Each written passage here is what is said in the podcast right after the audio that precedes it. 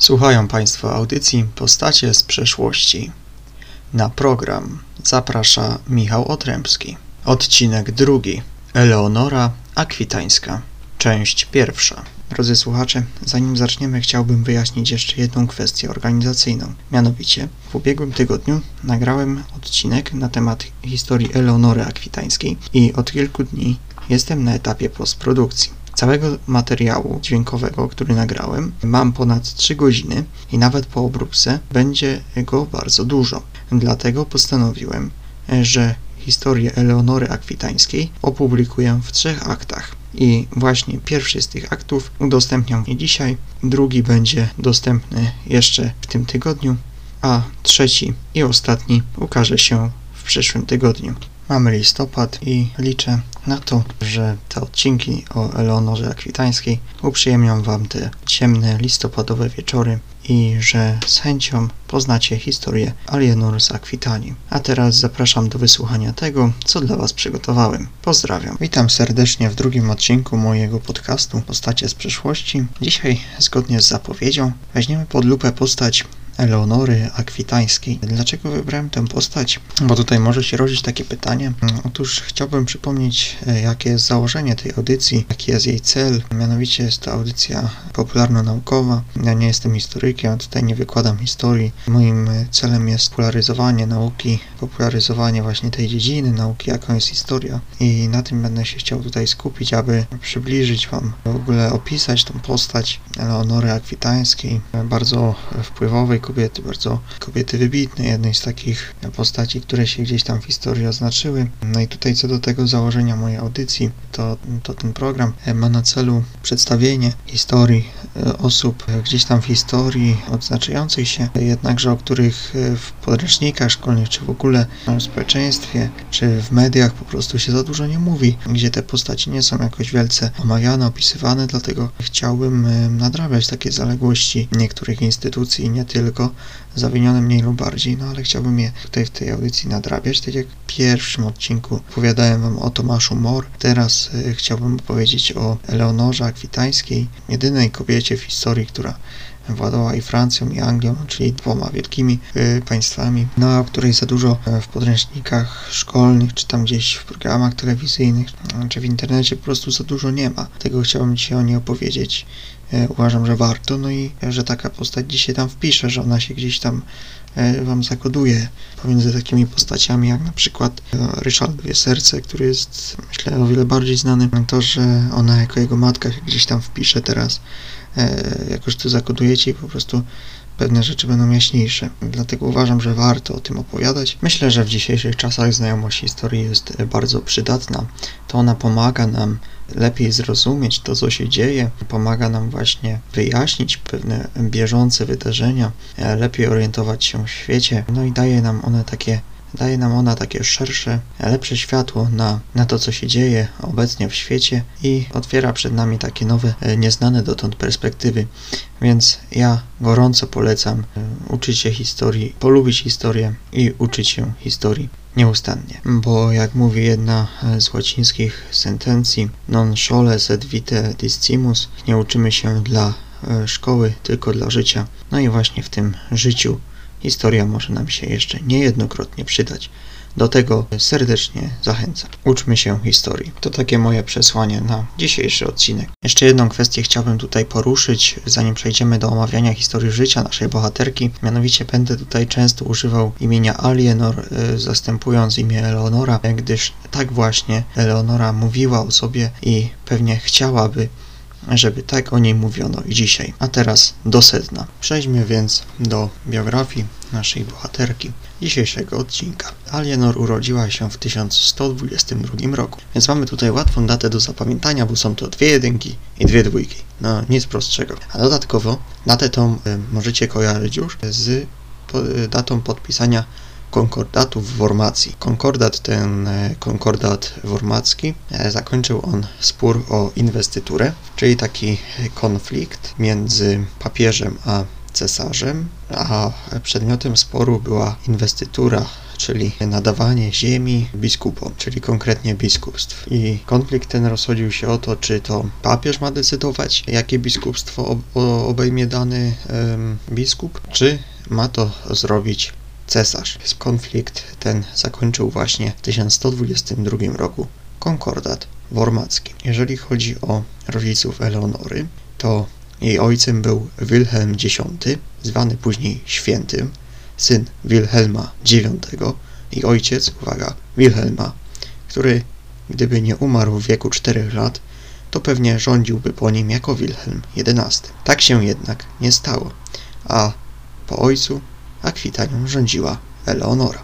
Matką Eleonory była także Eleonora, czyli można tutaj zauważyć, że odziedziczyła imię po matce. Teraz przejdźmy do tego, czym była ta Akwitania i kim w ogóle był jej ojciec. Akwitania to nie było takie małe księstwo, jak teraz na przykład mamy Liechtenstein, tylko była czymś o wiele, wiele większym. Była wielkości ówczesnej Francji, być może nawet większa, a jej ojciec jako władca e, miał z tej Akwitanii dochody tak wielkie, jak dochody całej reszty Europy, nie licząc Cesarstwa Rzymskiego i Anglii, więc naprawdę były to dochody olbrzymie. Więc może tutaj warto obalić jakąś taką błędną myśl, która się rodzi, że e, Akwitania to było jakieś, jakieś małe państewko, jakieś małe księstwo, które nie było zbytnio liczące się, e, no to nic bardziej mylnego, było to duże księstwo, duże królestwo z naprawdę ogromnymi wpływami, ogromnymi zyskami, dochodami. Jeżeli chodzi o dzieciństwo Eleonory,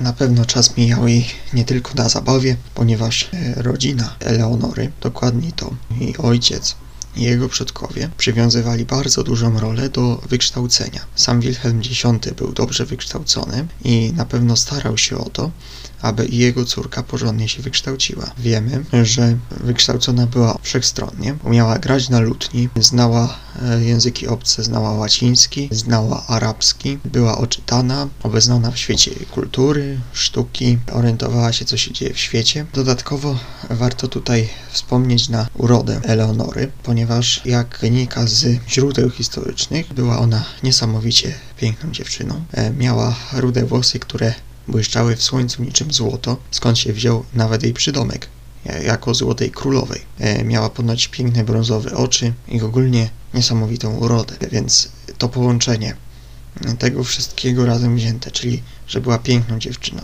dodatkowo była wszechstronnie wykształcona, miała wiele umiejętności, a dodatkowo przez to, że nie, nie miała już żadnego brata, tylko ona sama była pierwsza do odziedziczenia Akwitanii, która e, nie była czymś małym, tylko była czymś ogromnym, więc te wszystkie czynniki wpływały na to, że ktoś, kto się z nią ożeni, to naprawdę dużo na tym zyska. Pamiętajmy, jakie były czasy. Tam małżeństwa się brało z powodów politycznych, e, więc Eleonora nie mogła być sobie wolna, tylko ojciec musiał jej zapewnić odpowiednią ochronę. Przecież mogło się znaleźć dużo ludzi, mm, dużo mężczyzn, którzy chcieliby ją porwać, e, po to, żeby ją później przymusić do ślubu, na przykład z ich synami, żeby zyskać tylko to, co jej się należało po ojcu w późniejszym czasie. Może tyle o dzieciństwie Eleonory. Przejdźmy do roku 1137. Eleonora miała wtedy 15 e, lat, a jej ojciec był już ciężko chory. Był śmiertelnie chory, wiedział, że niedługo umrze, no i postanowił pojednać się z Bogiem. W tym celu wybrał się na pielgrzymkę do Santiago de Compostela. E, szlakiem jakubowym jest to znany szlak pielgrzymkowy na cały świat, wiele bardziej znany niż te nasze na przykład pielgrzymki do, e, na Jasną Górę, więc tak jak widać szlak ten był już znany w bardzo dawnym czasie, bo mówimy tutaj o XII wieku. Ojciec wiedział, że długo już nie pożyje, tylko cud mógłby go bawić od choroby i pozwolić mu żyć dłużej, no ale on się na ten cud nawet specjalnie nie nastawiał. Chciał się tylko pojednać z Bogiem i po to wybrał się do Hiszpanii, do katedry Santiago de Compostela. E, jako, że wiedział, że wyprawę tą, o ile uda mu się w ogóle dokończyć, to mm, nie wróci już z niej, e, powierzył przed wyjazdem opiekę nad córkami e, w ręce arcybiskupa Gottfrieda z Lodux i dodatkowo napisał taki specjalny testament, w którym zaznaczył, że po jego śmierci król Francji ma zdecydować, co się stanie z jego córkami. Królem Francji w tamtym czasie był Ludwik VI, zwany też Gruby. Ale wróćmy teraz do naszego Wilhelma. Wilhelm wyruszył na pielgrzymkę. Jednakże po niedługim czasie zmarł. Wieści o tym nie ucieszyły Eleonory ani jej siostry. W tym momencie, kiedy ojciec zmarł, Alienor odziedziczyła Akwitań. Stała się więc już dziedziczką bardzo wielkiego księstwa. Zgodnie z wolą ojca e, o losach Eleonory miał zdecydować król Francji i zdecydował on, że poślubi ona jego syna Ludwika francuskiego, znanego później jako Ludwika, numer porządkowy 7. Początkowo to nie Ludwik VII miał zostać e, władcą Francji, a jego brat Filip. E, był on nawet już koronowany w 1131 roku, jeszcze Vivente Rege, jednakże Filip zmarł i to Ludwik jako drugi syn Ludwika miał objąć po nim władzę. Przejdźmy teraz do naszej bohaterki. Mianowicie miała ona wziąć ślub właśnie z Ludwikiem VII. Ślub ten odbył się w Akwitanii, w miejscowości Bordeaux, w której też Leonora mieszkała. E, książę Francji przybył tam wraz ze swoim dworem. Eleonora, przebywając wśród swojego dworu, wśród swoich bliskich, miała wiele obaw co do mężczyzny, którego ma poślubić. Obawiała się tego, bała się tego, że mężczyzna, z którym zawrze ślub, będzie gruby, będzie brzydki, ale na szczęście okazało się, że się myliła. E, gdy pierwszy raz go zobaczyła, niedługo przed ślubem, uwidziała w nim e, szczupłego e, mężczyznę, który miał jasne, srebrzyste wręcz włosy. To, że widzieli się pierwszy raz chwilę przed ślubem, było w tamtych czasach jak najbardziej normalne. W tamtych czasach ślubów nie brało się z miłości, jak pewnie wiecie, lecz liczyła się wtedy polityka dynastyczna. Władca miał na celu, tak w skrócie, obsadzić swoimi synami jak najwięcej tronów, a córki wydać za jak najwięcej, jak najwięcej królu, króli lub też po prostu dziedziców tronu, tak żeby w przyszłości to jego dynastia miała pod sobą jak najwięcej tronów. Na tym polegała polityka dynastyczna. Liczyły się tutaj interesy, a nie miłość, nie wolny wybór. Taki już był los członków rodzin królewskich w tamtych czasach. Więc e, w roku tym samym, 1137 roku, w wieku 15 lat, Eleonora bierze ślub z Ludwikiem VII. Po ślubie oczywiście wyprawili wesele, e, a po tym weselu, po trzech dniach, odbyli noc poślubną zgodnie z tradycją.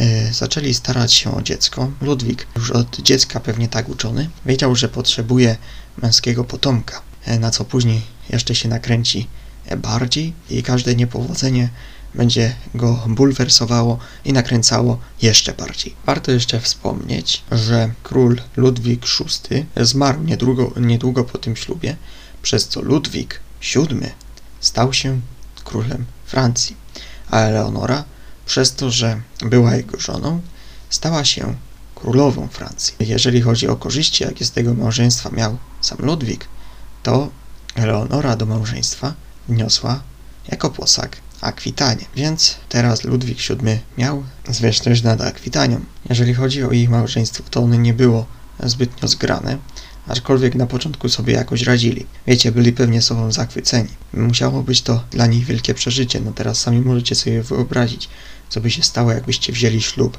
w wieku e, tam kilkunastu lat. Na pewno byłoby to dla was też wielkie przeżycie. Dlatego dla nich samych też musiało być to coś wyjątkowego i musieli mocno to przeżywać. W każdym razie, niedługo po ślubie wybrali się do rodziny Ludwika, do jego matki, bo ojciec już nie żył. Kiedy tam przybyli, matka e, Ludwika miała wiele zarzutów w stosunku do Alienor. Nie umiały kobietki po prostu znaleźć wspólnego języka. Po pierwsze, jej zachowanie nie, nie pasowało, nie pasowało jej styl, jakim się ubierała, e, krytykowała ją za ubiór, e, krytykowała ją za to, że nie mówiła po francusku, a sama matka Ludwika uważała, że powinna ona używać razem ze swoim dworem języka francuskiego, skoro u niej przebywa. Eleonorze się to po, po prostu nie, oczywiście nie podobało, przez co za długo tam u teściowej nie zabawiła. No i wrócili do Akwitanii, do, do swojej posiadłości. Jednakże król i królowa mieli swoje sprawy. E, każdy za, e, załatwiał je oddzielnie. Nie byli oni zgaranym zgodnym małżeństwem. Oni ze sobą przebywali rzadko. Spali osobno, dni spędzali oddzielnie. Mało czasu w ogóle spędzali razem. Mieli jakieś takie swoje stałe dyżury, że to tak brzydko już nazwę, w których musieli się po prostu spotkać, ale tak poza tym to król jakoś niespecjalnie garnął się do swojej małżonki, co Eleanorze się też nie podobało. Jednakże król miał wobec niej wysokie oczekiwania. To był taki król, który dużo by chciał, a mało robił. Mianowicie bardzo mu zależało i tutaj widać, że był uczony i uczulony na to od dziecka, że potrzebuje e, męskiego potomka. Bardzo chciałby go mieć, jednakże, jak mówią źródła historyczne, rzadko sypiał z Eleonorą, więc nie wiem, jak to chciał zrobić, ale później będzie w ogóle zarzucał Eleonorze, że to przez nią nie ma wciąż nie ma potomka, a ona będzie to mu zarzucała, że rzadko z nią sypia i że to przez niego. Tak naprawdę do końca nie wiadomo. Jednakże krótko po ślubie Eleonora zaszła w ciążę. W roku 1138 dziecko niestety zmarło, nie dożywając porodu. Do końca nie wiadomo, co było przyczyną tego zdarzenia. Są różne przypuszczenia, takie, że Eleonora upadła na ziemię, taka, że spadła z konia, albo że było to po prostu poronienie. Wydaje mi się, że to ostatnie ma większą rację bytu, aczkolwiek nie wiem, nie badałem, bo przyczyn samoistnego poronienia może być wiele. Mogą to być zaburzenia hormonalne, przeróżne infekcje, przecież w tamtych czasach higiena nie była na jakimś wysokim poziomie. Mogły to być wady genetyczne. Tak jak mówię, no nie jestem tutaj ekspertem, nie jestem lekarzem, więc ja e, dochodzenia w tym kierunku przeprowadzał nie będę. W grudniu 1140 roku Alienor udała się wraz z Ludwikiem do Orleanu. Orlean możemy kojarzyć w późniejszych czasach, kilka wieków później, zdobędzie go Joanna Dark.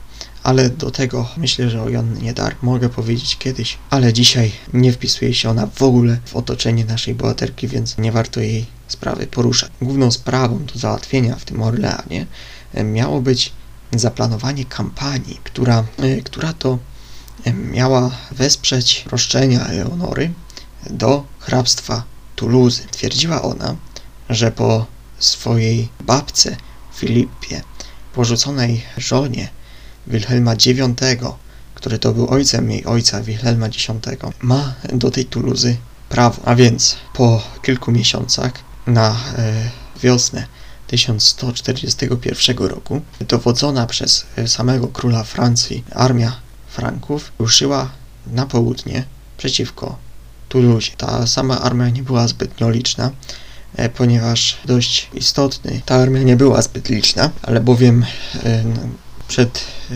wyruszeniem w podróż Tybalt z Szampanii odmówił pomocy, tłumacząc, że nie, nie interesują go interesy królowej i że według niego niepotrzebne jest to całe, całe zbrojne, zbrojna wyprawa przeciwko Tuluzie. Ludwik jednak nie posłuchał racjonalnego głosu Tybalta z Szampanii i na szybko próbował wziąć zaskoczenia Tuluzy. Jednakże nie udało się. Król poniósł sromotną klęskę. Chciał nalecieć na Tuluzę z zaskoczenia, jednakże się to nie udało. Przystąpił zatem do oblężenia, do czego też był marnie przygotowany i znowu mu się nie powiodło. Nie wiadomo co do końca stało się później, jednakże najprawdopodobniej zawarli oni pokój pomiędzy hrabią Tuluzy Alfonsem Jourdanem a e, królem Ludwikiem VII. Na pewno e, zawarto pokój, który najpewniej zawierał kwestię odszkodowań, które król musiał zapłacić za, sw za swoją napaść. Eleonorze oczywiście było nie na rękę to, e, że Ludwik przegrał, a sama Tuluza to będzie taka kwestia, no, na której Eleonora straci w przyszłości dużo nerwów, będzie jej taką obsesją podczas przez większość jej życia. Wróćmy teraz do wspólnego życia Eleonory i Ludwika. W pewnym momencie król zaczął zachowywać się jak mnich. Gnębić go mogły wyrzuty sumienia, ponieważ popadł w konflikt z papieżem. Mianowicie chodzi o papieża Innocentego II. Konflikt, który zainicjował oczywiście Ludwik, toczył się o sprawę, no w sumie wydawałoby się, że błaho, a dokładnie o obsadę arcybiskupstwa Borges. Król chciał, aby arcybiskupem został jeden z jego kanclerzy, a papież miał swojego kandydata na to stanowisko, Piera de la Charta. Ludwik zamknął bramy miasta, bramy tego biskupstwa przed Pierem, to się na polski tłumaczy jako Piotr po prostu, więc przed Piotrem zamknął bramy miasta i stwierdził, że prędzej umrze niż wpuści tego całego Piotra do miasta do tego biskupstwa. Zachowanie Ludwika ściągnęło na to biskupstwo papieski interdykt, czyli zakaz sprawowania, odprawiania obrzędów religijnych na tym terenie, więc e, biskupstwo to straciło w ogóle jakikolwiek sens. Dodatkowo Ludwik zaangażował się w zbrojny konflikt z wspomnianym już Tybaltem z Szampanii. Przyczyną konfliktu z Tybaltem było, e, było kilka.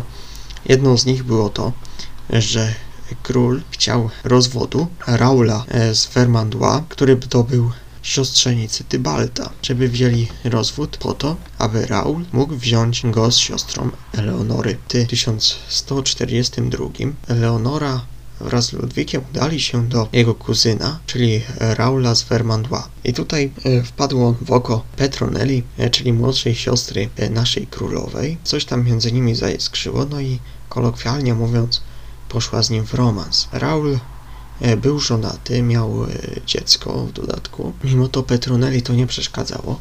E, nie przeszkadzało też jej to, że sam Raul był od niej sporo starszy. No i poszli razem w romans. Straciła ona dziewictwo na, razem z e, Raulem, e, kiedy Eleonora się o tym dowiedziała, bardzo wkurzyła się na siostrę, bo tutaj wiedziała ona, że taki czyn mógł sprowadzić hańbę na ich ród i pogorszyć ich opinię w społeczeństwie, a sama Eleonora była przecież królową Francji. Chodziły bowiem pogłoski, na temat ich babci, która miała dzieci z nieprawego łoża, z kochankiem.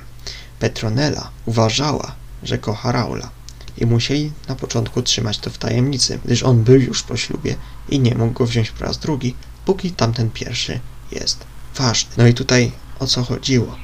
Ponieważ babka Eleonory miała dziecko z nieprawego łoża. Chodziły takie pogłoski po społeczeństwie, w że teraz ich ród ma obciążenia genetyczne i że potomkowie właśnie babki Eleonory będą właśnie miały jakieś wady, będą jacyś nienormalni. Właśnie przez to Eleonora bardzo się wkurzyła na swoją siostrę. Jednakże po jakimś czasie Alienor ochłonęła i zrozumiała swoją siostrę. Mówiła jej jednak, że ten Raul to nie jest najlepszy, najlepszy partner na życie. Niestety Petronella nie chciała jej słuchać. Ewidentnie była zakochana w Raulu. Swoją miłość i wspólne życie musieli trzymać w tajemnicy, właśnie ponieważ Raul nie mógł wziąć po raz drugi ślubu. Król Ludwik, gdy się o tym dowiedział, postanowił przekonać papieża, aby ten udzielił im zgody na rozwód. Udzielił Raulowi zgody na rozwód, aby mógł go wziąć ponownie z Petronelą.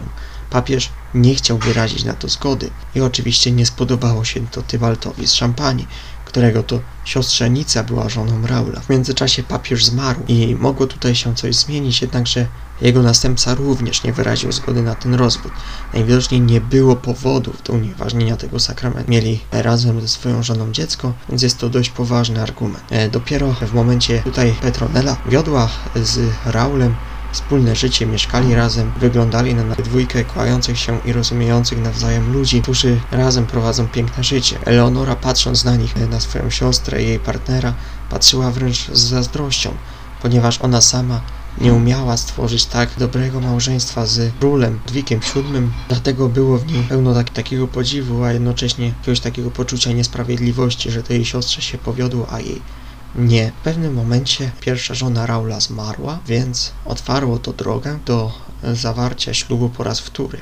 I tak się też stało. Raul zawarł sakrament małżeństwa razem z Petronelą i stali się rodziną. Mieli w późniejszym czasie razem trójkę dzieci, e, ale niestety jak to bywa w historii dość często, sielanka nie będzie trwać długo, ale o tym powiemy później. Wróćmy do kłótliwego okresu w życiu króla Ludwika. Dodatkowym powodem konfliktu z Tybaltem z Szampanii było wzięcie strony papiestwa w konflikcie o to arcybiskupstwo. Działania zbrojne które prowadził Ludwik, trwały w latach 1142-1144, zakończyły się zajęciem hrabstwa przez siły królewskie.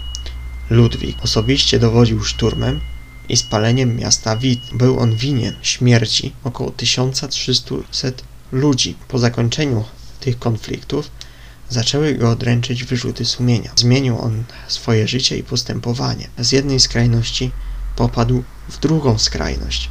E, ciągle się modlił, umie, ubierał się skromnie, jak mnisi, postanowił ogołocić swoje mm, komnaty. Chciał mieć męskiego potomka, jednakże sam o to się nie starał. Żoną rzadko sypiał, a to ją obarczał tym, że wciąż nie ma dzieci, nie ma męskiego potomka. Widząc opis tego małżeństwa, można stwierdzić, że ewidentnie było ono niepoukładane, niezgrane. Na początku nasza bohaterka miała nadzieję, że sytuacja się poprawi i z czasem wszystko się zmieni, ale nie, po, nie polepszało się, a wręcz się pogarszało. Musimy wrócić do naszej bohaterki. Mianowicie udało im się w roku 1144 podzić dziecko. W czerwcu 1144 roku Ludwik i Eleonora odwiedzili nowo wybudowaną katedrę w Saint-Denis. Królowa spotkała się tam z biskupem i narzekała na brak potomstwa. Biskup odpowiedział jej w prywatnej audiencji, że żeby mieć dzieci, powinna przekonać Ludwika do pogodzenia się z Kościołem. I wyobraźcie sobie, że to podziałało. W sensie tutaj mamy cały ciąg przyczynowo-skutkowy. Eleonora rozmawia z biskupem. Biskup kazał jej przekonać Ludwika do pogodzenia się z Kościołem. W ciągu kilku tygodni dochodzi do porozumienia między królem Ludwikiem VII a papieżem. Tybalt z Szampanii odzyskuje utracone wcześniej prowincje, a Pierre de la Charte zostaje ustanowiony biskupem. Król odkupił swojej winy i ostatecznie zażegnał i zakończył konflikty. Alienor niedługo po wizycie w katedrze w Saint-Denis zachodzi w ciążę, czyli tutaj widzimy pewien ciąg mm, dziwnych zdarzeń. Zaszła ona w ciążę i już w 1145 roku urodziła swoje pierwsze dziecko i była to córka. Jej siostra Petronella miała już wtedy syna. Eleonora, która była starsza, urodziła dopiero pierwsze dziecko, no i troszkę była tym zniesmaczona, że jeszcze w dodatku była to córka. Ale mimo wszystko miała powody do radości. Córka urodziła się zdrowa, no a Ludwik na początku się zachwycił, że zostanie ojcem, a następnie nie był nazbyt zadowolony, że urodziła mu się córka, a nie syn. On chciał syna. Więc w momencie, w którym dowiedział się o tym, że urodziło mu się dziecko, musiał być wielce zachwycony, a w momencie, w którym mu doniesiono, że nie jest to syn, lecz córka, pewnie zasmucił się niczym młodzieniec Ewangelii świętego Marka, który usłyszał, że ma iść i sprzedać wszystko, co ma. Najpewniej król również się zasmucił. Eleonora podziwiała wręcz swoją siostrę Petronelę, która z Raulem urodziła już kolejne dziecko, a Eleonora, starsza siostra, miała dopiero jedno i to w dodatku córkę. Ludwik w ogóle się nią nie interesował. Podziwiała ona swoją siostrę i Raula jako taki wzór dogadanego, zgranego e, małżeństwa, e, dwójkę ludzi dbającą o siebie nawzajem. Ona z Ludwikiem nie umiała stworzyć takiego związku. Król niezbyt się nią interesował, rzadko do niej przychodził, rzadko z nią sypiał. Natomiast po tych swoich konfliktach bardzo dużo się modlił. Nie interesował się on swoją żoną, ale interesowała go jego polityka. Przejmował się tym, że nie ma wciąż męskiego potomka. No i dodatkowo męczyły go wyrzuty sumienia za to, co za te swoje konflikty z papieżem, e, z Tybaltem, z Szampanii, więc w celu odpokutowania za swoje winy Ludwik postanowił wyruszyć w nieznane. O tym, czym było owo nieznane, powiem już w drugim akcie historii Alienor. Tymczasem dziękuję Wam za wysłuchanie mojej audycji aż do tego momentu. Pozdrawiam Was serdecznie i życzę dobrego dnia czy dobrej nocy, w zależności od tego, kiedy mnie słuchacie. Do usłyszenia jeszcze w tym tygodniu.